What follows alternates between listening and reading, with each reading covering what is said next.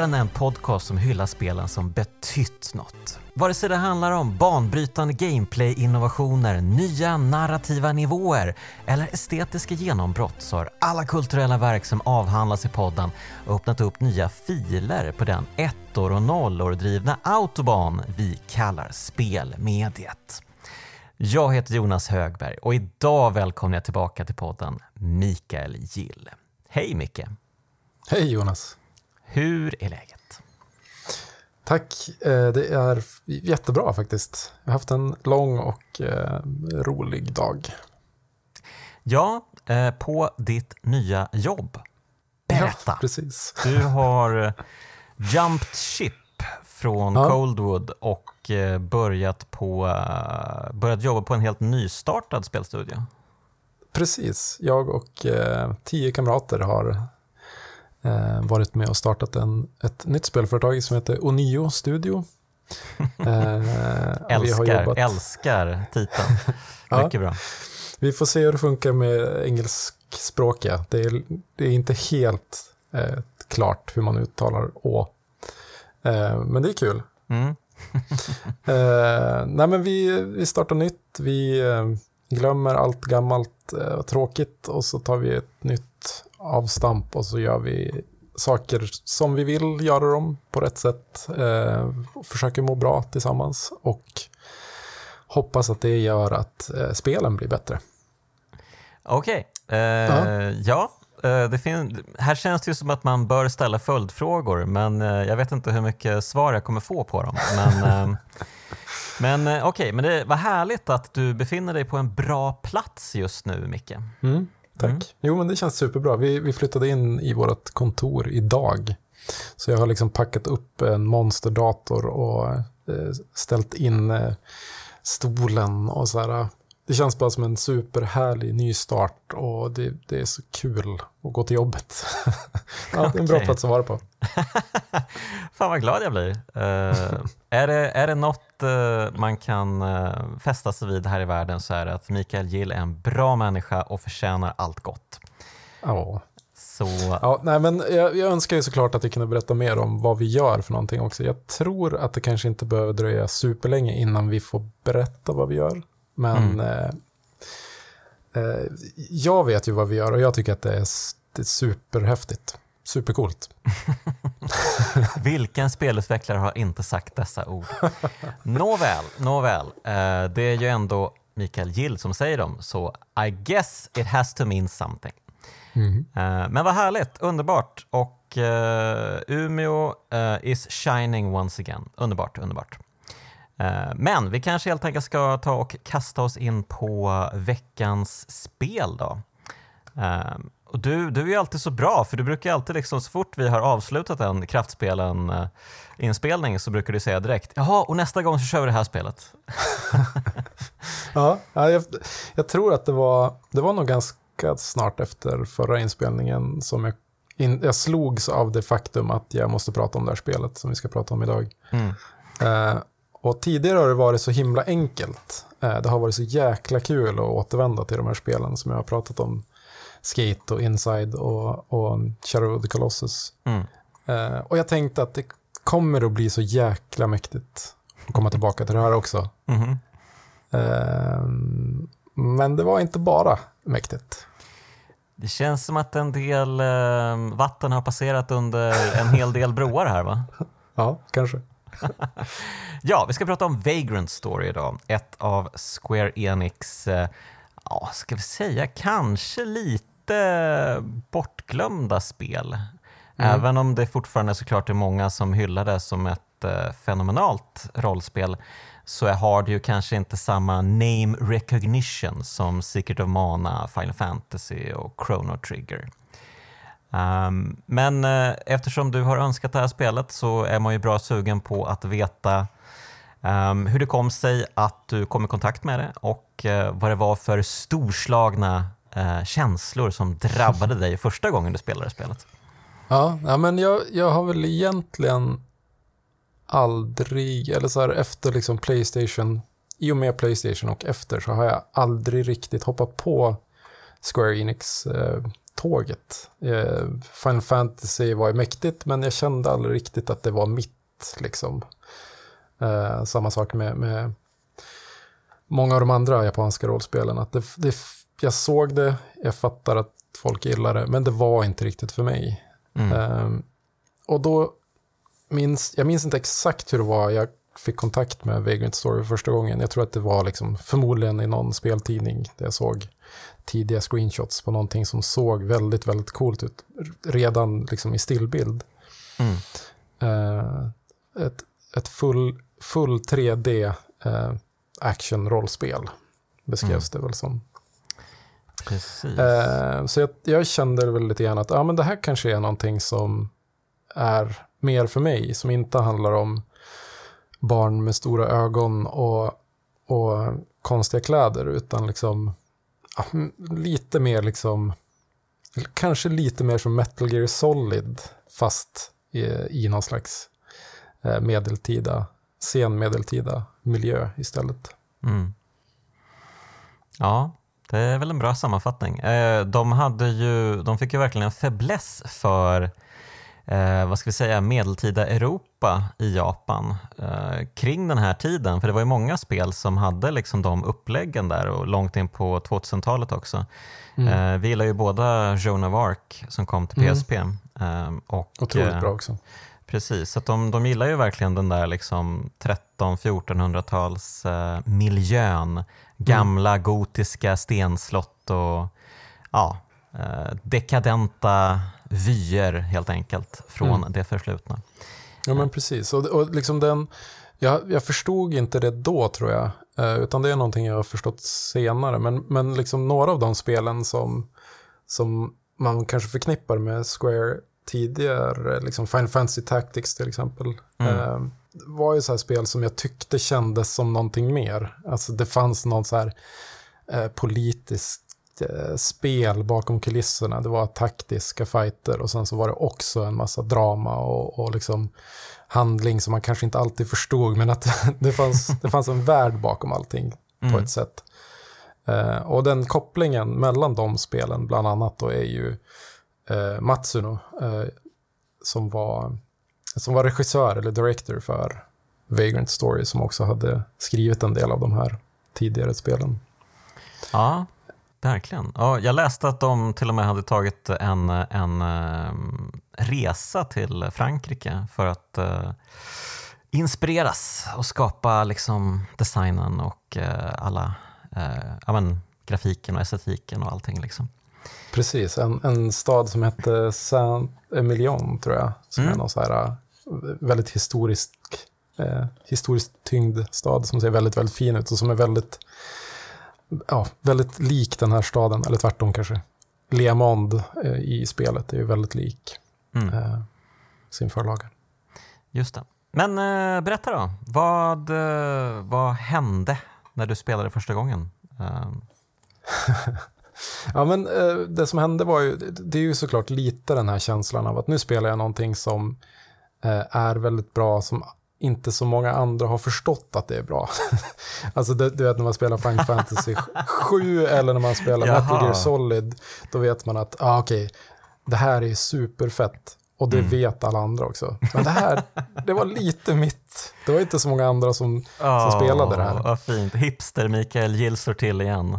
Verkligen, verkligen så. Eh, ja, men tidigt 2000-tal. Eh, mm. Jag satt liksom en sommar i Umeå och spelade Eh, på min PS1. Mm. Um, och alltså man fångas direkt av det här spelet. Det har sina brister och det kommer vi till senare, men introt till Vagrant Story, liksom de första, vad kan det vara, 20 minuterna kanske, är så jäkla bra. Mm. Alltså det, det är helt otroligt. Och det är också en grej som har, första gången jag spelade, då var det nog bara att jag liksom, jag kollade på det här lite eh, ostiga CG-introt där det är en tjej som dansar magdans. Um, och sen tryckte jag på start game och så kastades jag in i någon slags märklig eh, handling. Eh, det var först några gånger senare efter att jag hade misslyckats eh, och startat om som jag såg att om man väntar lite grann i, i startskärmen då får man en liten prequel liksom, intro. Mm. Ett, ett, ett gömt intro. eh, vilket är jättemärkligt. Ja, alltså, det är, det är så himla lätt. Det är ju liksom det bästa med hela liksom introdelen. Eh, den biten som man liksom ligger gömd där. Ja. ja, men det är lite sådär att, ja, vill du spela, kör igång. Men Mm. vill du verkligen förstå, vänta lite. och då Ja. får man ju se något, något så här, det, det, mitt i natten, det blixtrar utanför den här eh, parlamentsbyggnaden eller vad det nu är man är i. Mm. Eh, det, det sitter massa eh, mystiska maktpersoner och pratar om en, en attack på hertigens gods. Mm. Där en, en sekt har anfallit godset och tagit gisslan. Just det. Eh, och då behöver de skicka dit en av sina bästa agenter. En riskbreaker som heter Ashley Riot. Han heter Riot i efternamn. Så jäkla coolt. alltså det är otroligt japanskt det här med att man har en man är otroligt sugen på Europa och sen ska man döpa karaktärer och så heter de saker som Ashley Riot och Romeo Guildenstern. Ja, det där är ju väldigt roligt. Ja, just det. Och både han Guildenstern och Rosenkrantz, det är ju Shakespeare-referenser tror jag var, eh, till Precis. Hamlet. Exakt. Eh, Ja, det känns som att de plockar lite här och var verkligen. Verkligen. Mm. Jan, Jan vet jag inte, eh, Jan Rosenkrantz. Ja. Mm. Eh, ja, men väldigt kul. Alltså de, de, eh, de blandar och ger lite grann. Eh, men man får lite en förståelse att det, är liksom, det här är en värld där det finns, eh, i det här kungadömet så finns det ett maktspel mellan ett, ett gäng olika eh, institutioner kan man väl säga. Det är kyrkan som är kardinalen eh, och hans eh, Crimson Blades. Eh, och så finns det den här, det här parlamentet som har sina agenter där Ashley eh, ingår. Mm. Som heter VKP tror jag. Mm. Ehm, och sen har vi då den här sekten, eh, Müllenkamp, Ja. eh, som har eh, tagit gisslan i hertigens gods. Ehm, ja. och, och sen trycker man på start och då får man, kastas man snabbt till utanför godset, hertigens gods. Mm. Där man möter upp med en annan agent och ska liksom försöka ja, men, ta sig in och eh, reda ut den här situationen. Ja, och eh, den blir ju långt ifrån utredd eh, när man är klar där inne eh, Verkligen. i eh, Eh, hertigens slott. Um, det, det är ju ett, eh, en prolog kan man väl säga helt enkelt som utspelar Mm. sig här i, i slottet. Um, och eh, när den är klar så kastas man ju in i den här staden du pratade om tidigare, Lea Monde, Mm. som var baserad på den här franska staden. Um, och det är där liksom, huvudspelet utspelar sig. Um, precis. och, Men om vi, om vi eh, håller oss kvar lite grann vid introt, för, för, för jag tycker det är så fruktansvärt bra det här, den här prologen framförallt, att liksom musiken och klippningen och kamerarörelserna, allting känns... Eh, du är ju någon slags filmvetare. Eh, ja, kanske. Ja, ja. eh, vad tycker du om det här? Ja, du vet, eh, det är ju väldigt speciellt när man ska liksom sk- försöka skapa spänning i dialogscener. Um, Det är ju väldigt svårt egentligen. Um, det finns ju några som är riktiga mästare på det tycker jag. Um, Billy Wilder är jättebra på det till exempel. Och eh, ett mer nutida exempel är ju den här fantastiska scenen i eh, Quentin Tarantinos um, uh, jo, Inglourious Basterds heter den såklart. Mm. Eh, när eh, den här eh, inkvisitören, alltså nazistjägaren, ehm, kommer till den här lilla liksom, stugan och pratar Mm. med den här mjölkbonden. Det är ju en fantastisk dialogscen i och med att det liksom är så många olika, det händer så mycket liksom på så många olika lager i dialogen samtidigt Mm. som kameran verkligen är fantastisk i den scenen. Mm. Och eh, det finns så många fantastiska vinklar och den rör sig på så konstiga sätt. Och, det blir verkligen indragande på ett eh, väldigt märkvärdigt sätt. Mm. Eh, och riktigt så fräckt är det kanske inte här, men det märks ju onekligen att de, de är ju filmintresserade verkligen, eh, Mm. det här teamet som har gjort eh, Vagrant Story. Och eh, jag håller ju med, det är ju eh, rafflande underhållning och musiken är ju verkligen den är ju fenomenal. De, den här märkliga den här märkliga kören som hela tiden liksom ligger på rulle och kör en sån här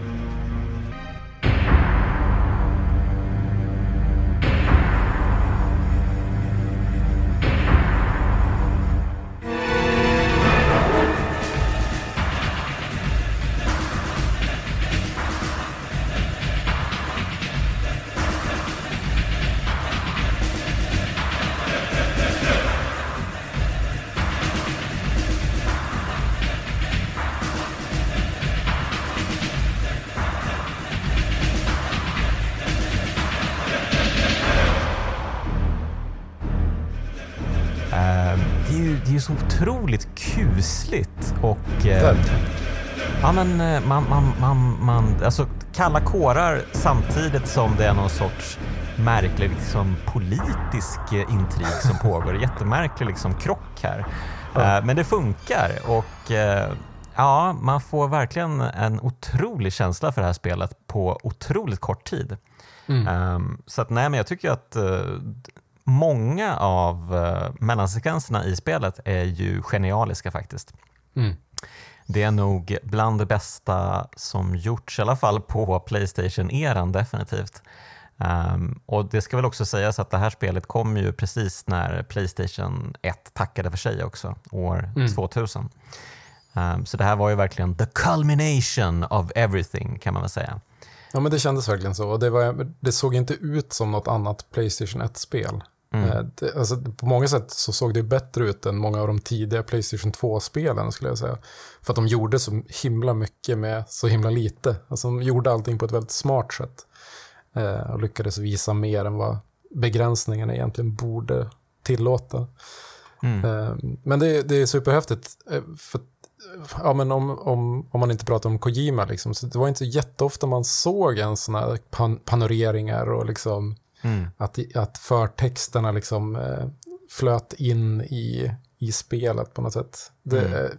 det, det är som du säger supertydligt att de gillar film, att de ville kanske göra någonting som var väldigt filmiskt. Eh, det är också de, ganska kul. De, och värt att poängtera, de gillar tecknade serier också.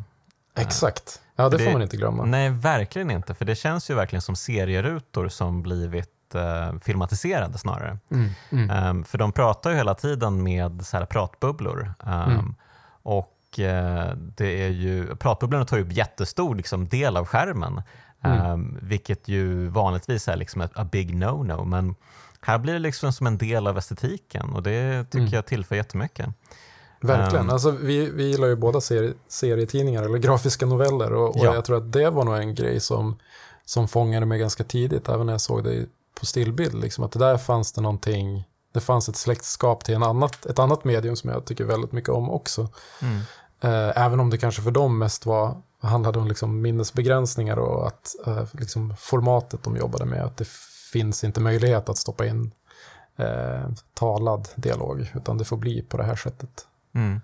Uh, vilket ju är skönt tycker jag. Um, mm. På det här sättet, det funkar helt fenomenalt bra tycker jag verkligen. Um, Nej, men det, är ju verkligen, det är ju verkligen mellansekvenserna som är spelets eh, stora liksom, trumfkort. Mm. Um, det är ju absolut uh, snyggt för att vara Playstation 1 även när man spelar liksom in-game-grejer och så och mm. spelar fighter och sånt. Um, absolut, det, är ju, det går ju faktiskt att titta på till skillnad mm. från vissa andra Playstation-spel.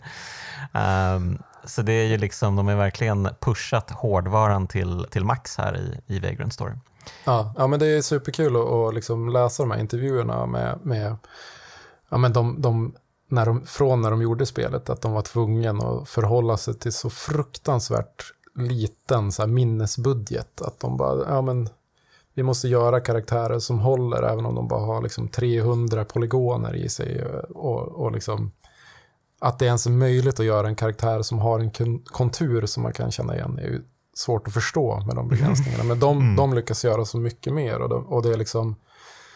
Eh, men de, de, eh, de har ju inte har ju såklart inte råd att göra liksom realtids eh, ljussättning. Men då målar de istället texturerna på ett sätt som gör att det ser ut som att det är så här eh, eh, bakgrundsbelyst eller, eller liksom Mm, mm. eh, Ja, ja, på ett sätt som det. är supercoolt och som man Verkligen. inte hade sett någon annanstans. Så, så ja, nej, det var...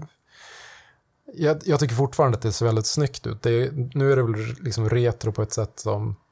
eh, det håller fortfarande än idag, lite som Wind Waker, typ att det var en stil snarare än att Mm. de försökte göra någonting som var hyperrealism. Men Mm. det var bara sådär mycket de kunde göra. Men det, det, det där är jätteviktigt som du säger, eh, att faktiskt lyckas eh, liksom fuska sig till en ljussättning i scener, det är ju helt sjukt egentligen. Och man ser ju hur jävla mycket det tillför när man faktiskt eh, tror sig se eh, typ eh, levande ljus som, som flackar i ansiktet, liksom Ja. skenet reflekteras i ansiktet på någon. Ehm, det, är ju, det är ju så jävla ballt alltså. Ja. Otroligt. Super, supersnyggt. Nej, men då, och som du säger, det är ju framförallt eh, mellansekvenserna som, som gör det här spelet. Och sen är det, det är, det är många coola idéer eh, som, som liksom spelet, eh, eller gameplay, utgörs av. Eh, alla håller inte superbra, alla var kanske inte ens bra från början.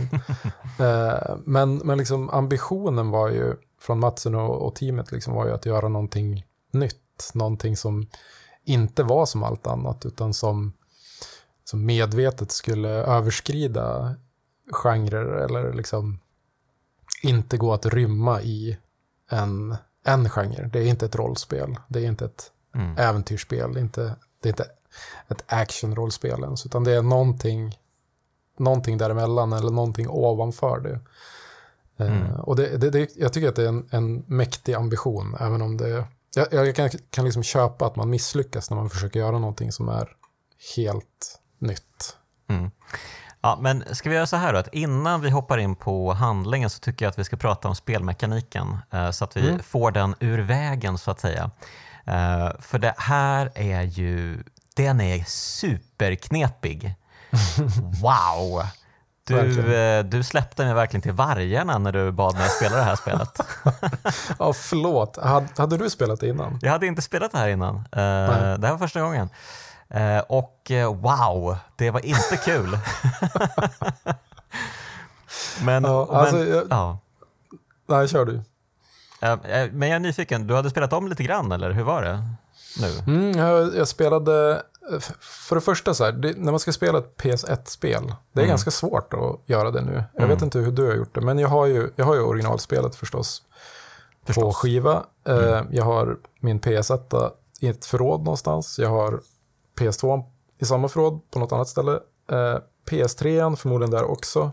Mm. Eh, och då börjar det bli ganska svårt att spela ett PS1-spel. Eh, man kan emulera det förstås på PC. Mm. Inte riktigt samma känsla. Nej. Eh, jag valde att eh, emulera det på min PSP. Som jag, jag har faktiskt spelat igenom det på PSP en gång förut. För, Mm. alltså, jag vet inte när det var. För jättelänge sedan. Och så tänkte jag, PSP är ju superfet. Jag gör det igen. Mm.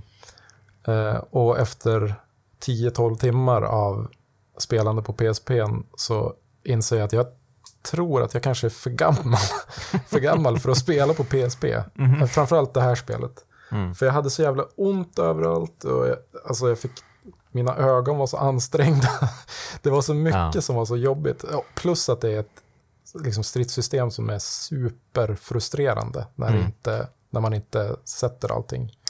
Ja. Strider som kan ta en timme liksom. Och, och så kan man misslyckas och måste börja om. Mm. Ja, Jag spelade ju det på PS Vita Mhm. och jag tror att det är en jättestor skillnad från att spela det på PSP och PS Vita. Eh, Mm, PS. PS Vita-skärmen är ju helt sanslöst bra. Mm. Fortfarande en OLED-skärm. Oh my god. Så jag försöker spela många retrospel på PS Vita eh, och det funkar ju skitbra. Ehm, Och eh, ja, men, eh, i princip alla liksom, kontroller kan ju mappas också Mm. eh, utan större problem. Så att, eh, jag hade liksom inga liksom, rent eh, sådana liksom tekniska problem som du Inga kanske hade. Då. kroppsliga problem. Nej, inga kroppsliga problem heller. Men däremot då, rent speltekniska, spelmekaniska problem. Oj. Mm. Det är ju det här att jag var tvungen att... Ja, först så spelade jag ju kanske en um, tre, fyra timmar och sen så insåg jag jag måste göra någonting fel här. Va, vad är det som... Mm. Och det finns ju guider man kan läsa i spelet, Mm. men de är inte jättebra. Eh, Inte Nej. så här liksom att man fattar direkt och det finns ju liksom ingen sån här tutorial eller något sånt utan det är bara man, man får ju bara läsa om saker. Så att jag var ju tvungen att liksom fort in på Youtube leta upp någon, någon jävla guide som liksom berättar hur man ska spela spelet, vilket Mm. ju är Ja, jo, jo, jag vet. Jag brukar tjata om liksom så här, liksom From Software-spel och Dark Souls och sådär. Att ja, men man måste faktiskt ta till sig allt i, i spelen och Ja. man, det finns en större upplevelse att vänta om du går online och läser vad alla andra håller på Ja, visst, fine, okej, men det är lite weird att man ska behöva ta sig in på en, på en, liksom en hjälpguide för att komma igång med spelet. Det, Ja. det ty- kan jag tycka är lite, ja, lite kass helt enkelt. Ehm, Jo, men det var, det var ju faktiskt en uttalad ambition de hade också. Att det här ska inte vara, det här ska inte vara mainstream som Final Fantasy eller Metal Gear. Det här ska vara hardcore. mm, Och, och det, det betyder också tydligen att man bara kan behandla sina spelare som ett, som ett as. Bara, som, som smuts. Ja, men det kände jag ju mig som också och eh, det vill man ju ibland, absolut. Eh, Mm. jag, jag är ju en, eh, en självplågare av rang. Jag spelar ju många sådana spel, men, eh, men här blev jag lite lack faktiskt på spelet ganska mycket. Men, Ja. men eh, okej, så här då. Så här går det till. Eh, Det är ju ett actionrollspel, ja, men när man då stöter på en fiende och vill attackera, då fryser man ju tiden och sen så får man ju välja kroppsdel att attackera på fienden. Mm. Eh, oj, spännande, wow, är tidigt tänkt det här. Ehm, och då finns det ju liksom så här procentsatser. Eh, hur troligt är det att du kommer liksom lyckas med attacken? Ehm, hur många hälsopoäng kommer den skala av, eh, troligtvis? Mm. Ehm, och sen då så finns det en riskmätare som på något sätt påverkar det här. Och den här riskmätaren har jag fortfarande inte fattat helt och hållet vad fan det som är grejen är med den. Men det kanske du kan berätta sen. Men, men, eh, så den finns där och den är, vanligtvis är den på noll men så fort man liksom har engagerat en fiende och börjat banka på den ett tag så tickar riskmätaren uppåt. Um, och som jag har förstått det så, blir det, så är det svårare att fästa attacker och man kanske tar mer stryk också ju mer risk det blir. Eller?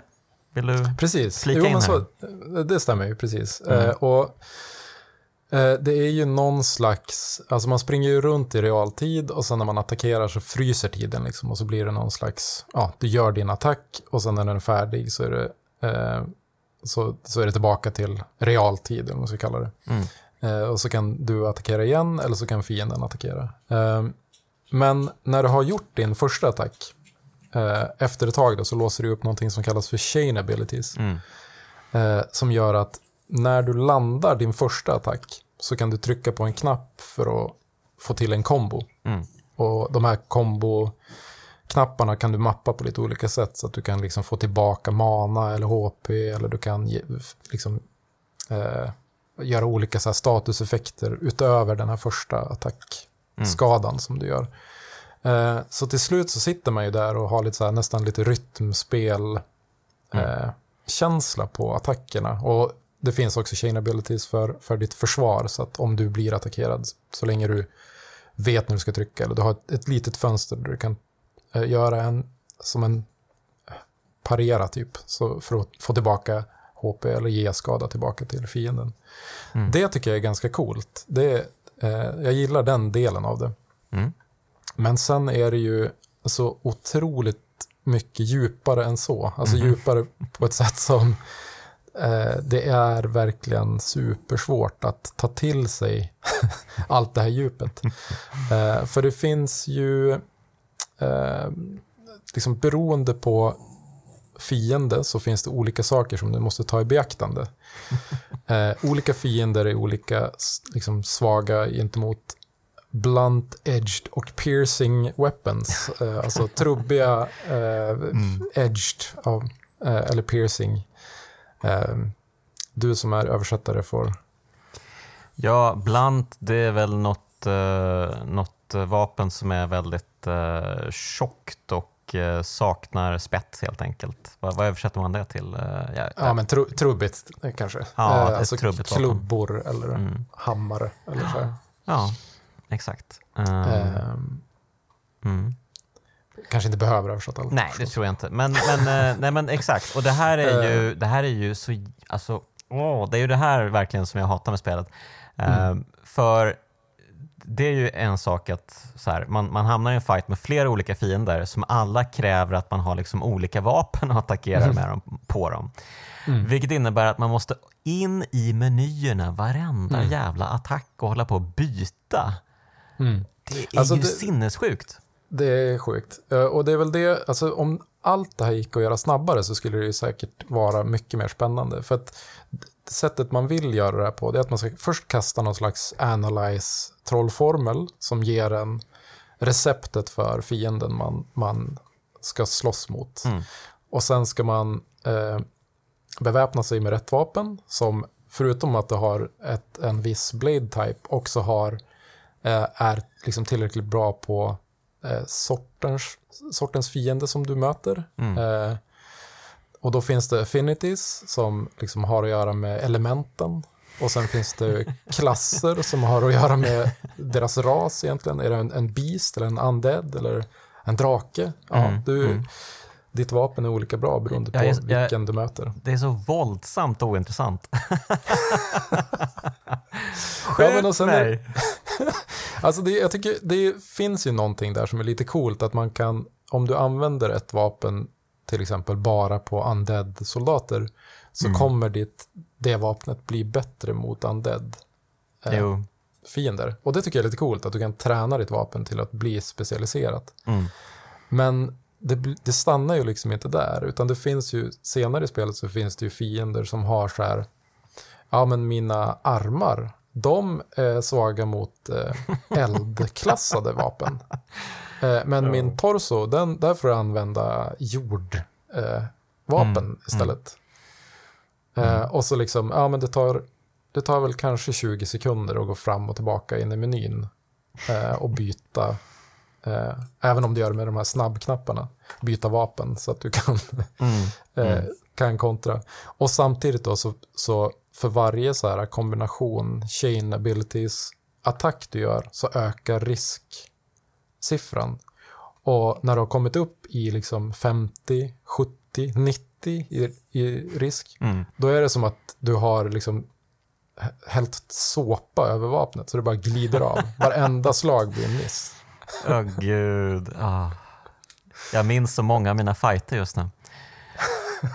Oh. Ja, men, och, och det man gör det är att man så här, jag får in en träff, den gör pyttelite skada, men jag chainar i två minuter. Mm. Och jag gör fortfarande lite, lite skada. Mm. Och sen så gör den här jävla draken en eldattack som tar 80% av min, min HP. Mm. Och så får jag springa runt och försöka hela och samla mana så att jag kan hela mig igen och så bara göra om. Mm. Jag har ju suttit och gråtit här i soffan för att det har varit så jävla jobbigt. och jag minns det mm. inte som att det var så här svårt. Och det, jag vet inte om det hade att göra med att liksom, mitt liv som det såg ut då eller att, att jag bara var en, en bättre gamer. Nej, du var en för, sämre gamer. För, Försök inte nu Nick. Försök inte. Du var en mycket ja, sämre kan, gamer. Usch. jag tror att jag har blivit eh, kräsnare med min tid framför allt. För att jag tycker att det är så himla synd att mm. alla inte får genomleva den här, det här spelet och den här handlingen. För det mm. finns ju mm. någonting där som är coolt och det finns massa karaktärer som har sina egna liksom, eh, motivationer och, och känns ett djup och liksom en, en eh, ja, mm. men alla är inte svartvita utan det finns en skala också bland de onda på något sätt. Som, som, som jag tycker är superspännande. Men det mm. fastnar mm. i att jag... Det är bara så jävla långt mellan mellansekvenserna. Det, det, det gör ont igen. hela tiden. Ja, och jag vet inte om det är så himla roliga miljöer att röra sig i ofta. För att man är ju väl, lite väl ofta liksom djupt under jorden och springer Mm. runt i så här äh, fängelsehålor, äh, labyrinter, äh, tempelområden, alltså sånt som befinner sig under mark och det är massa grottor, grottsystem. Ehm, det är spännande när man springer runt i staden bland husen. Eh, och senare när man kommer liksom till de här katedralsområdena. ehm, absolut, jättefint. Det är ju det här vi, vi ville se från spelet. Det var ju det här vi blev teasade, att vi skulle liksom få den här franska storstaden. Liksom. Men eh, sen så eh, stack de oss i ryggen lite tycker jag. eh, Mm. Med vad vi faktiskt fick. Um, jag vill inte springa runt i ett gruvsystem. Det hade inte... det hoppades jag få slippa i det här spelet, men Ja. det ska de visst in Nej, i alla spel. Ja. Precis, tyvärr, tyvärr är det så. Och det, det kan mycket väl handla om, om minnesbegränsningar begränsningar där också. Eh, Mm. att, att det gick liksom inte att göra allt. Det känns som att handlingen utspelar sig ofta på ett helt annat ställe än där Mm. Ashley Riot är. Eh, Ashley springer runt i fängelsehålor och, och slåss mot ödlekrigare som i och för sig är coola. Men eh, allt det där dramatiska händer ju någon annanstans. Liksom.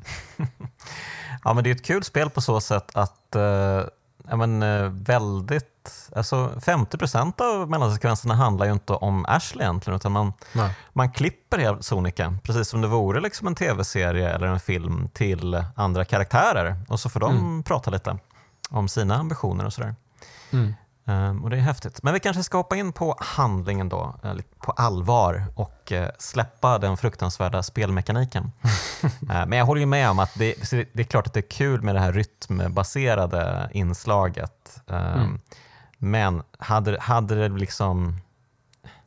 Ja, det fanns ju ett frö där, det kan vi kanske konstatera. Men, Mm. Och sen så ett hav av dynga eh, over it typ. Ja. Vilket ju, Ja, funderar- vilket ju vanligtvis är bra, för då växer det upp någonting trevligt om det är ett hav, hav av dynga. Men, men, men i det här fallet så blev det ju aldrig några uppföljare till Vagrant Story. Kanske för att det var ett hav av dynga. Det Ja. kanske var så. Mm. Nej, men eh, jag, jag funderade lite grann på det tidigare. Liksom, om, om, tänk om de hade gjort det här spelet fast med liksom, Final Fantasy, eller Final, eh, ja, Fantasy Tactics eh, gameplay istället. Att det Mm. var någon slags taktiskt eh, rollspel. Åh, det hade varit något. Tänk, det hade varit helt otroligt. Nu var det ju, nu ville de göra någonting annat, någonting som var lite mer liksom Playstation, eh, Tomb Raider, kanske liksom Mm. mer västerländskt eh, och gapade lite för stort. Eh, drunknade i, i ambitionerna lite grann kanske. Ja, Nej, men, eh, ja, precis. Jag tror ju inte att eh, det här är ett spel som många skulle tycka var kul. ehm, tyvärr. Eh, Nej. Men, De, säger, de säger att de har klippt bort hälften av spelet. Ja, just det. Men eh, ja, eller att de inte kanske gjorde klart. eh, De hade väl manuset antar jag, men jag tror inte att de gjorde eh, det. Nej, Det nej, kan de ju precis. inte ha gjort. Det, ambitionen var att göra någonting som var dubbelt så långt. Jag Ja. undrar vad, vad de tog bort. Var det bara mer av, av fängelsehålorna eller var det något annat? Ja, alltså som jag förstod det så var det liksom hälften av handlingen som var bortplockad. Det är ju Eh, sjukt. Så att, eh, och jag menar, handlingen, i vissa fall så känns den väl lite så här, oj vad är det som händer nu? Vad, vad hände med Mm. de där karaktärerna typ? Mm, Eh, för det är ju ganska många karaktärer att hålla koll på. Det är det Eh, verkligen. De kommer och går och eh, som sagt, man hoppar ju friskt mellan dem också. Eh, Mm. Så att eh, ibland så har man liksom glömt bort någon som bara dyker upp igen och bara, ah, vad var det nu du höll på med? Just det, hmm. vänta jag ska kolla mina anteckningar här. Eh, så att, eh, Ja, ja, verkligen. mm, eh, precis. Men, men det, allt som sker i mellansekvenserna, det är ballt. Så att, Det eh, det, det ska vi hoppa in på nu tycker jag. Eh, ja, och eh, vi börjar väl med den här eh, hertigen, hertigdömet, eller hertig, hertigens slott, som Mm. vi börjar där i prologen. För här får vi ju träffa spelets, ja, säger man antagonist? Jag vet inte riktigt om det är helt rätt att eh, benämna honom som det. Men han är ju onekligen en mycket karismatisk figur och han heter Sydney Lostaroth. Ja, vilken otrolig bad guy. Alltså, han är så fruktansvärt cool. han ser så jävla cool ut. Han har så här knivhandskar som, som bara svinfeta. Lite, liksom, lite så här androgyn i, i, i sina drag och sådär, men, men supermäktig och cool som fan. Och, och liksom, han är verkligen den här, den här som vänder sig om och när någonting exploderar bakom honom, när han, han liksom går därifrån och bara Ja, men, men, men alltså, om jag bara får flika in här, han är ju lite av en klassisk eh, Square Enix Final Fantasy-skurk. Eh, sådana som jag trodde att du inte riktigt gillade, eller? Ja, det kanske är just därför. Det är kanske bara att jag inte har förstått att det är så här i alla spel. Just det. Eh, ja, jag säger ju det. Alltså, herregud. Ja, men han är ju verkligen the quintessential eh, han är ju en bad guy visst, men han är ju inte det egentligen heller. Utan han är ju... Han är ett unikum, denne Sydney Lostaroth skulle jag vilja säga. Mm. Um, han är ju då den här kulten Müllenkamps uh, stora profet. Mm. Och uh, han har ju då invaderat det här uh, slottet. Då. Um, och ja, Ashley stöter på honom och Eh, vad är det som händer här? Han, eh, de har ju förstått då att Müllenkamp har eh, tagit hertigens fyraåriga son och Ashley vill såklart stoppa honom från att dra därifrån. Ehm, men det går ju inte riktigt som väntat utan det, han kommer in i en stor sal där, där Sydney är, han säger åt honom att lägga ner sina vapen men han skiter i vad Ashley säger, gör ett utfall mot honom med, sin, med sitt vapen och eh, Ashley skjuter honom i bröstet med en, med en armborst så han faller ihop. Eh, och så tror man liksom att ja, men okej, det, det, det var över där. Men det var det inte. För Sydney, Fast vänta nu, vänta nu här, tror man det? Vem tror det? Än en gång, det här är ju för fan Square Enix, kom igen. Sydney reser sig upp, eh, tar tag i, i pilen och sliter ut den ur bröstet så det sprutar blod på golvet. Mm. Och så säger han någonting så här supercoolt, jag minns inte exakt vad det var nu, men eh, typ eh, du, ska inte, du ska inte snacka skit om fairy tales eller någonting. och sen mm. tittar han upp i taket och skriker han Detuk! Eller någonting. Mm. Eh, och så springer han och kastar sig ut genom ett fönster. Och ur, liksom genom taket, det här kristallglastaket som bara exploderar så faller en stor drake som landar på golvet framför Ashley och den har så här spjut stickande ut ur ögat och bröstet och, och mm. slåss ändå mot, mot Ashley. Och det är så jävla fett. Alltså man sitter ju bara så här intryckt i soffan, munnen vidöppen. Ja, eh. är det här liksom eh, början på spelet? Det här känns ju som slutet snarare. Liksom. Verkligen. Eh, ja, men så besegrar man ju draken och sen så kommer liksom, titelskärmen mm. Vagrant Story. Mm. Det, var, det var så här det började. ja, nej men man är ju hooked, det är man ju verkligen. Man är ju så jävla sugen på mer här alltså. Ah, och man, man liksom bara, vem är den här Sydney? Herregud. Och du nämnde ju att han hade så här knivhandskar, men du, vi måste nog ta upp hela hans design lite mer här. För att mm. han, han är ju då... Han är ju egentligen bara en torso. För att eh, han, som, som barn så drabbades han av någon sjukdom som gjorde att, han, eh, eh menar, att hans lemmar liksom ruttnade bort. Mm. Och eh, i samma veva då så fick han en eh, stor liksom, tatuering över hela ryggen. Ett sorts eh, blodssigill mm. som då märkte honom som särskilt viktig. Och Eh, och nu då så har han liksom skaffat sig proteser för både ben och armar och eh, ja, de ser ju svinballa ut. Han ser ju nästan mm. liksom han ser ut som en spindel nästan med de här liksom seniga um, mm. svarta armarna och benen. Uh, en fantastisk profil. Och sen har han ju ingenting på överkroppen heller. Uh, också typiskt Square Enix att uh, liksom pumpa det här de nakna brösten. ehm, och, alltså det, det, ja. ja, förlåt, fortsätt. Nej, men eh, fortsätt du. Nej, men jag tänker på, på bara bringan, den här eh, androgyna bringan. Liksom att det känns ju jag tyckte att allt såg supercoolt ut eh, när jag spelade för 23 år sedan, eller vad det var. Mm. Eh, och sen såg jag någon så här uh, konceptkonst där någon hade målat liksom uh, Ashley, Ashley Riot, man såg dem bakifrån. Och då förstod jag att de här byxorna som man har på sig, det är inte byxor, utan det är någon slags chaps och under chapsen så har han typ tanga-kalsonger eller någonting. ja, precis. Vilket fick mig att säga bara, vad fan, det här var inte alls riktigt så coolt. Nej. Uh, Nej, har man, väl sett, har man väl sett hans röv, då är det svårt att ose den. jag menar, och det, jag menar, det, på något sätt eh, är ju det ett tecken på att man är riktigt cool om man kan bära upp chaps och tanga-kalsonger och ändå vara så fet som, som Ashley Wright är. Ja, han har ju en väldigt cool profil också. Ja, ja verkligen. Nej, men det finns ju någonting så här lite eh, märkligt eh, och, och kanske lite homoerotiskt i många av de här designerna. Ja, än en gång, Square Enix. Let me present. Um, ja, nej men så att uh, det är mycket, mycket som händer här. Och uh, de flyr då uh, Sydney och hans uh, polare Hardin som ju är en jävla trooper, alltså man gillar verkligen Hardin mot slutet av spelet. Mm. Mm. Um, och de och deras trupper de flyr slottet för att ta sig in i Lea Monde. Och eh, Ashley springer efter. Um, och han har ju någon...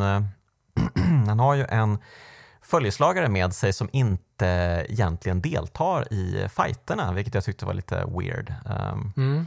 Vad var grejen med att uh, den här Callow Merlot skulle hänga med överhuvudtaget egentligen? Jag fattar ja, aldrig. Lite, lite oklart. Det var väl en sån här grej som de ville göra. Eh, att de skulle ha någon slags eh, AI, NPCer som skulle kunna hjälpa en att slåss. Men, mm. men det är ju bara någonting som man upplever en gång tror jag i hela spelet. Mm. Eh, att man slåss tillsammans med någon annan. Eh, Callo blir väl istället ett, en, en karaktär som bara är med för, för att driva eh, sidoplotten vidare så att säga. Hon hon hakar ju på, eller tvingas haka på Hardin eh, och mm. Eh, eh, hertigens son Joshua. Mm. Lite senare. Just det, så de, de blir liksom ett, en grupp som man följer mm. i olika mellansekvenser.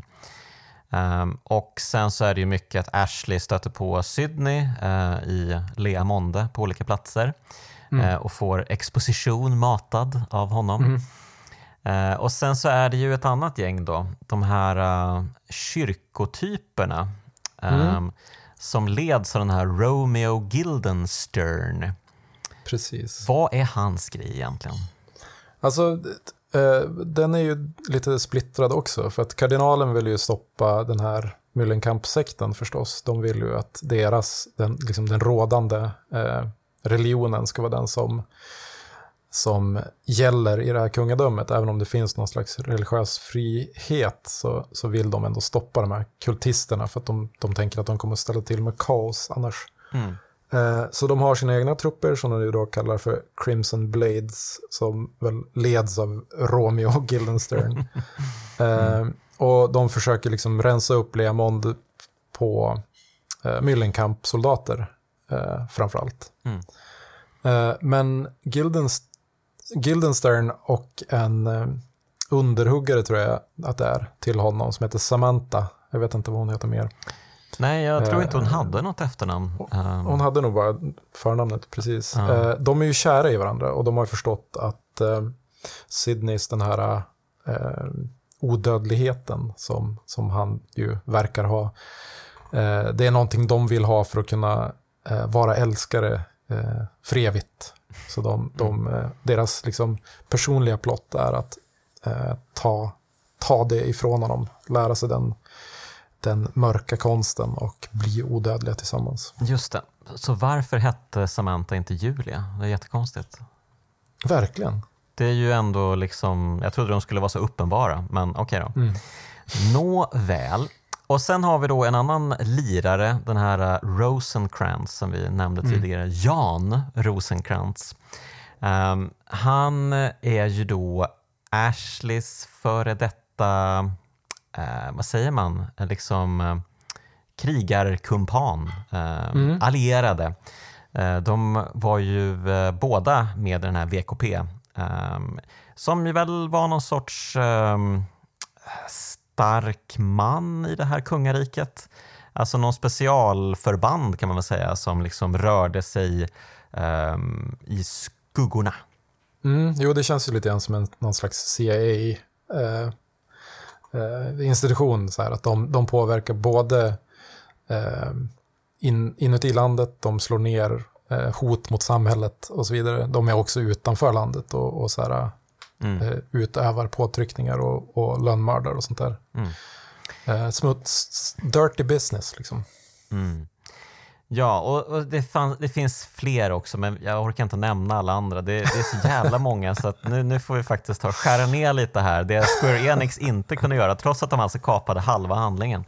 Ja. Uh, men, men det som är intressant i alla fall, att uh, Ashley, han har ju lite flashbacks. va? Mm. Han är ju en Square Enix-hjälte. Så då måste man Exakt. ha det. Man måste ha ett uh, brokigt förflutet. Uh, där minnet uh, kanske spelar en lite spratt, va?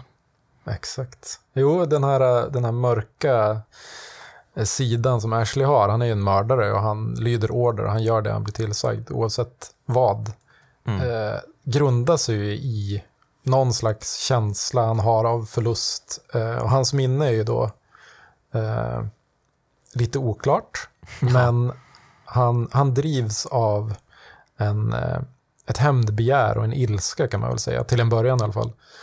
För att eh, han, eh, och det här får man se då i en flashback, där han och hans familj har en picknick under en björk.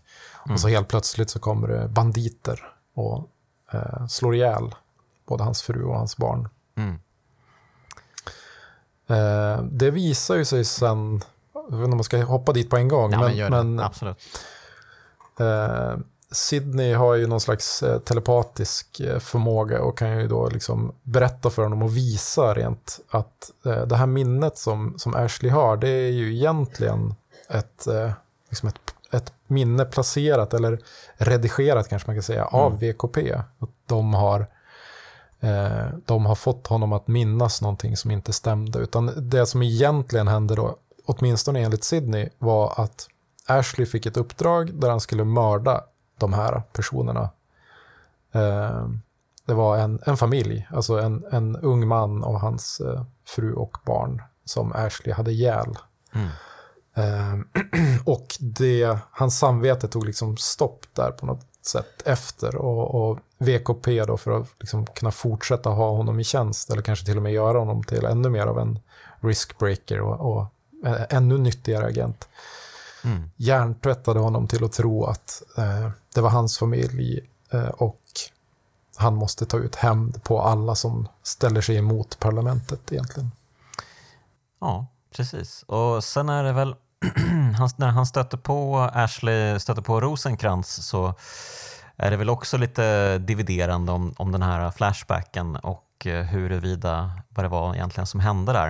Ehm, mm. Um, och mot slutet av spelet så är det ju väldigt luddigt egentligen allt det här. Mm. Eh, vad tusan var det egentligen som hände i Flashbacken? Eh, mm. och det tycker jag är en, är en av spelets största styrkor egentligen. Att man aldrig riktigt får svar på exakt hur det förhöll sig där. Mm. Ja men verkligen. Jag, jag, vet faktiskt inte fortfarande hur man ska tolka det där. Utan, eh, för det som händer är ju Ska, eller ska man gå dit på en gång? Det kanske man ska göra nu när vi ändå pratar om det. Ja, det kanske det är konstigt att återvända. Ja. Eh, när, liksom, när Ashley har besegrat den här sista bossen så blir det han, jag vet inte om han kommer till någon slags astralt plan, någon, någon himmel eller någonting, eller limbo kanske det är. Mm.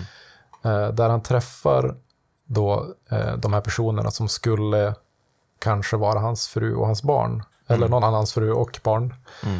Eh, där de, där de liksom säger saker som att, eh, ja men frun säger att jag fick, jag fick så mycket kärlek av dig att det kändes som att det räckte till en livstid. Och, och barnet säger så här, ja men du måste vara tapper pappa, titta på mig, jag gråter inte. Mm. Eh, vilket är superstarkt mm. eh, och, eh, ögonblick. Och liksom oavsett om det var så eller om det var någon annans så, eh, ja det är en stark scen. Ja, men, men det, det, det känns ju som att uh, antingen så är det ju liksom, så var det hans fru um, mm. och barn. Mm. Uh, eller så var det liksom att liksom det här minnet nästan bara pratar till honom och mm. säger du gav oss så mycket kärlek och det här, mm. det är liksom, vi är en del av dig och uh, det här är ändå någonting som du kan, som kan stärka dig. Um, och det, det, det är väldigt ambivalent exakt vad det är liksom som gäller och det, det är liksom, ja, men, faktiskt lite mästerlig touch på det. Så det här mm. gillar jag väldigt mycket med mm. spelet. Um, det här att man aldrig riktigt får klarhet i vad det är som händer med Ashley. Och ja. ja. men vad det är han utvecklas till också mot slutet av spelet. Nej men precis, och, och han använder ju liksom det här, det här som händer då i limbo minnet. Eh, det använder han ju sen till att återvända för att han kastar till, tillbaka det på de, den här mörka, eh, mörka bossen som försöker avsluta honom. Och liksom bara, han, han måste äga det han har gjort. Mm. Eh, han, han, han, kan inte ignorera eh, sina felsteg, utan han måste äga det och, och gå vidare mm. på något sätt. Jättefint. Jätte, jättefint. Mm. Um, Ja, och då har du kanske inte nämnt att den här slutbossen är den här Romeo Guildenstern. Um, vi kan väl ta upp det också lite snabbt att uh, det är ändå en ganska kul plott det här kring att, uh, för att hela den här stan, Lea Monde, det är ju en karaktär i sig va? Mm. uh, bor det ens någon här numera? Jag tror inte det. Det verkar ju bara vara liksom ja, det kanske är någon, någon enstaka liksom person kanske som bor här, men det, det skedde ju liksom någon jordbävning för 25 år sedan som har förstört eh, staden och regionen runt omkring väldigt mycket. Mm. Så enda sättet att komma in i stan är ju genom katakomberna, då, eh, tyvärr mm. för oss spelare. Men, men eh, det, det är ju någonting som finns här i staden, va? The Dark. Precis. Och vad är det The Dark? Ju, ja, men det finns ju någon slags eh, tanke här om, om ljuset och mörkret, att det är en balans som behöver upprätthållas. Att, att, eh, och att, att Leamonde, då, den här staden, det är en, en wellspring, som de säger, ett, en, en plats där mörkret eh, koncentreras, samlas. Och, och de här återkommande jordbävningarna eh, har tagit så många liv så att mörkret liksom kan slå rot där på något sätt. Och mörkret är någonting som man kan använda på olika sätt. Eh, antingen till sin fördel eller bara som, jag, jag vet inte. Det, man behöver inte bli ond för att man använder mörkret. Men om man är ond och använder det så blir det dåligt. mm. Precis. Enkelt uttryckt. Just det. Uh, exakt. Och uh, alltså Sydney är någon sorts caretaker uh, som, som liksom har hand om the dark, antar jag. Mm. jag alltså jag, jag, är inte helt uh, hundra på allt det här, men du får gärna bryta in här ifall du vill rädda mig. Men... Ja, men det är, det är en, en snurrig plott och vi har ju hoppat extremt mycket i, i den förstås. Mm, mm. Men, men den stora twisten är ju förstås att Sydney är inte den ondaste i det här. Sydney försöker få ett stopp, uh, få, försöker se till så att det inte är någon eh, maktgalen person som kommer att ta över eh, allt det här mörkret som, som Leamonde erbjuder. Mm. Eh, och det gör han tillsammans med hertigen som eh, visar sig vara hans far. Mm. Eh, men det han tänker helt enkelt är att han, han ska eh, liksom passa över det här sigillet som han har på sin rygg till Ashley. För Ashley är en tillräckligt liksom god och harmlös person för att kunna bära det utan att bli eh, en tyrann. Mm. Eh, men eh, Guildenstern, eh, han tycker inte att det är någon bra idé. Han vill ju vara den som, som tar över blodsigillet och som får den här makten och, och blir, eh, och blir någon större än, än allt annat. Eh, han, är, han är egot som försöker sätta käppar i hjulen Mm. Ja, och eh, då behöver han ju en, det här blodsigillet som eh, då uh, Sydney bär på sin rygg. Så att det blir ju en mm. ganska brutal scen. Eller man får inte se det, men han liksom karvar ju av skinnet från Sydney mm. för att få det här sigillet så att han kan um, ja, men, få den här demoniska kroppen och bli slutbossen. Liksom. Mm.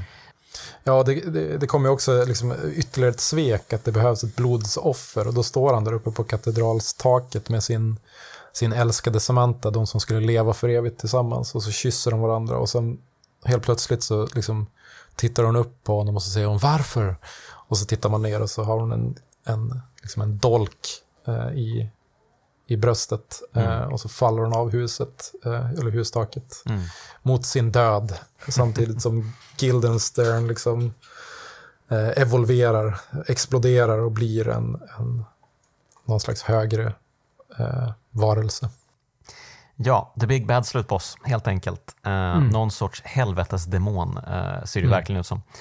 Um, ja, nej men det, det, är ju det är balla grejer och jag skulle verkligen vilja liksom ge en riktig shout-out till översättaren av spelet som har översatt det till engelska. Han heter Alexander O. Smith och mm.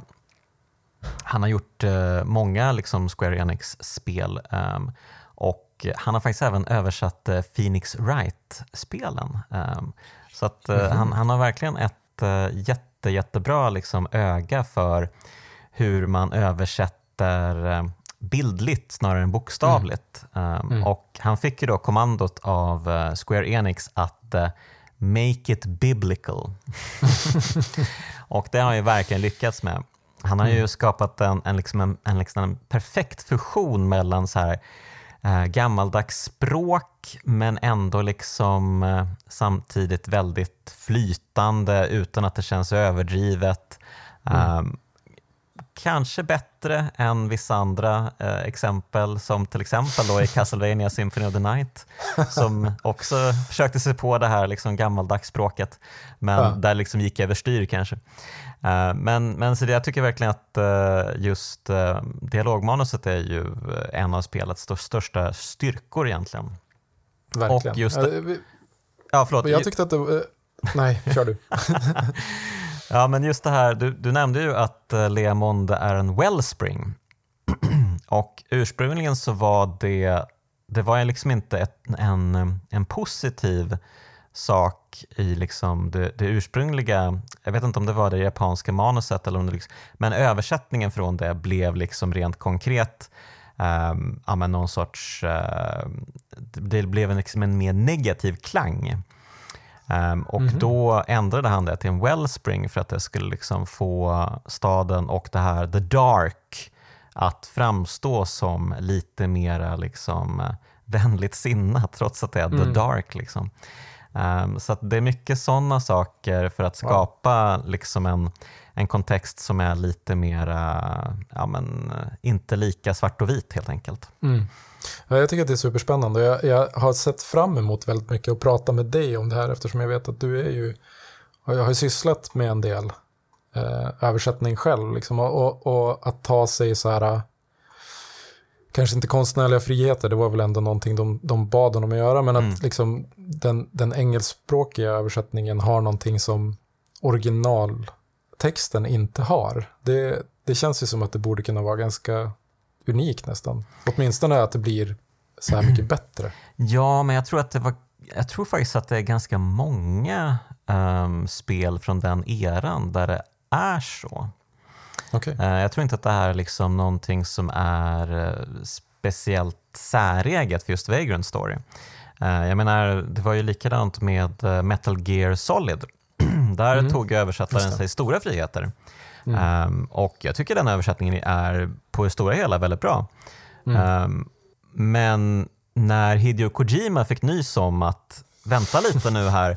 Det, det är ju jättemycket som är liksom helt annorlunda. Uh, vad, vad, vad, är det här? Han blev verkligen sur mm. när han väl insåg att uh, oj, vilken skillnad det var från det jag skrivit och det som faktiskt blev presenterat till den liksom engelskspråkiga publiken.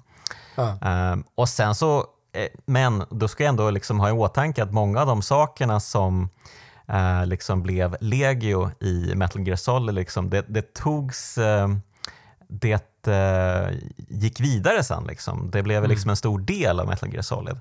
Så mm. den översättningen blev ju liksom eh, en stor, stor bidragande faktor till att hela universumet växte ut och liksom gick vidare och sådär. Mm. Så att eh, översättningen spelar ofta en väldigt, väldigt stor roll och eh, mm. det gjorde det väldigt mycket på 90-talet och tidigt mm. 00-tal. Um, ehm, nu kanske de är lite mer liksom så här, ah, nu ger vi lite mer pointers och nu vill vi ha det på ett specifikt sätt. Uh, men på den tiden så var det verkligen så här att de nästan fick carte blanche och göra lite vad de ville, mm. översättarna. Och, uh, ja, ja, det, det, är man ju, det är man ju tacksam för här.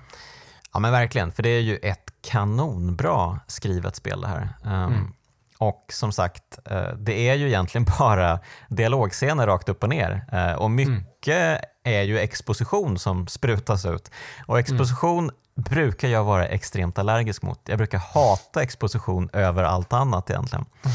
Uh, men de får det att kännas relevant och spännande i det här spelet med mm ja, men, eh, hela inramningen med stämningen, med de här fantastiska serietidningsscenerna och alltså den helt sjuka musiken som mm. liksom ofta liksom kontrasterar lite det som händer också. Mm. Så det är så jävla mycket dynamiska saker som sker.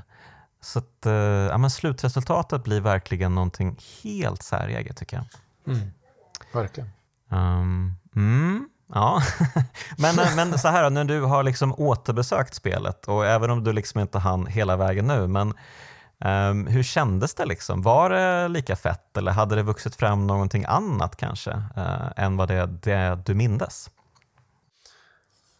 Alltså många av de delarna som jag tyckte om då tycker jag fortfarande om nu och, och liksom med lite tid eh, så förstår man ju också ännu mer liksom vilket jävla eh, mirakel är att de har lyckats göra det här som, som de ändå gör. Men, men det är ju väldigt, väldigt mycket som har blivit utdaterat och liksom där man har, eh, man har lärt sig mediet på ett annat sätt. Liksom att det, man kan inte göra vissa saker. Man kan inte, man kan inte släppa spelaren helt vind för våg bara med, med sådana här fighting-system till exempel utan att, att liksom ge dem någon slags hjälp. Eh, mm. det, eh, jag tror att hade, det liksom, hade de fokustestat det här lite hårdare så hade det kanske blivit ett, ett spel som hade hållit längre. Eller, mm. Det hade kanske kommit en uppföljare. Jag vet, det kanske fortfarande kan göra det, jag vet inte. Ja, men det känns ju uh, märkligt för att det här spelet, det, är liksom, det, det, det framstår ju som en prolog nästan, hela spelet mm. alltså. Mm. Uh, för det, alltså de, de kallar ju till och med spelet något speciellt, det ser man ju sen i eftertexterna tror jag. Så, så, så är det ju liksom hela den här liksom kampanjen man har spelat av Vagrant Story, den kallar de för The Phantom Pain. Mm. och då får man ju också lite Hideo Kojima-tankar. Vänta lite, va? va? Verkligen. Har du bara plankat Vagrant Story helt plötsligt till Metal Gear Solid 5, eller vad hände där? um, så ja, att, verkligen. Och liksom, den här prologen som var 20 minuter först, mm. den framstår ju som någon slags pro-prolog. Liksom att det, att det, för eh, det absolut sista som händer är ju att eh, man får förklarat för sig att det var det här som gjorde att Ashley Wright blev The Vagrant. Mm. Här börjar The Vagrant Story, när spelet slutar. Ja, okej, okay, jaha, okej, okay, nu är han The Vagrant. Och vem är The Vagrant och vad ska han göra? Jag har ingen aning. Så... Ja, det var verkligen upplagt för en, för en uppföljare, men det blev ju inte det, eller åtminstone inte än. Däremot så har ju Matsuno gjort saker liksom som påminner en del om, om det här och hans, liksom hans team med, med eh, musiker och eh, karaktärsdesigners har ju, har gjort massa andra grejer. Eh, mm. Final Fantasy 12 är det väl till och med, där man kan spela. Det finns en klass tror jag som är Riskbreaker. Eh, mm, okay.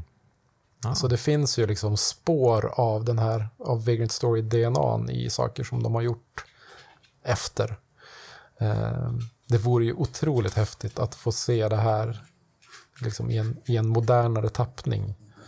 Eh, mm. Även, om, även om mycket av det som gör det så stort är att det gjordes precis då. Att det bröt så himla mycket ny mark på något sätt. Ja men verkligen, alltså en, det görs ju så himla många remakes nu för tiden och det känns väl inte särskilt troligt att det här spelet kommer få en remake. Det blev väl ingen försäljningssuccé direkt. Um, men ja, man är ju bra sugen på att veta vem The Vagrant är och vad som var grejen egentligen med The Vagrant. Man hade ju verkligen velat se eh, nästa del. För det här det känns ju så otroligt, alltså han måste ju ha planerat, åh och sen så kommer det bli jättefett i nästa spel, oj oj oj. Sen bara, nope, det tror vi inte. Vill du göra ett Final Fantasy istället? Okej, okay, bra, ja. bra, bra. Ja, men det är ju det är intressant. De, jag tror att jag läste någonstans att de började göra det här i tidigt 98 och det släpptes ju någon gång 2000, jag minns inte om det var hösten kanske. Så mm. det var liksom mellan 20 och 50 personer som jobbade på det här spelet i mindre än två år, kanske ett och ett halvt år. Mm. Eh, det kan inte ha kostat supermycket, alltså även om det på den tiden var väl 50 pers ett ganska stort team såklart. Det måste, ja. ha, det måste ju ha gått plus åtminstone. Ja, nu ska vi se. Försäljningssiffror eh, brukar jag tycka är svintråkigt, men här står det att eh, de sålde 100 000 ex eh, oh. första 20 dagarna. Okay. Um, så att det var ju inte så illa tror jag. Men nej men precis, det var nog inte, jag menar, det är ju, det är ju många som inte ens känner till det här spelet så att eh, det kan ju nej, inte vara det kan ju inte vara en a big player direkt, det här inte. Nej, nej, de hade väl några andra spelserier som, som eh, var lite större kanske. Det som är de vill ju lägga krut på. möjligtvis så. Jag menar, vi kommer, det kommer ju aldrig, vi kommer ju aldrig få slut på Final Fantasy 7 remakes-delar till exempel. Eh, det kommer ju med spotta ut i all evighet nu. Så att, eh, vi får se när de kommer till Vagrant Story. Men han är ju intressant, eh, Matsuno. Jag tycker han gör väldigt eh, intressanta spel verkligen. Mm. Han, eh, han måste fortsätta göra bra skit helt enkelt. Um, men eh, ska du försöka sammanfatta det här då, Micke? Alltså, varför tycker du att det här är ett kraftspel?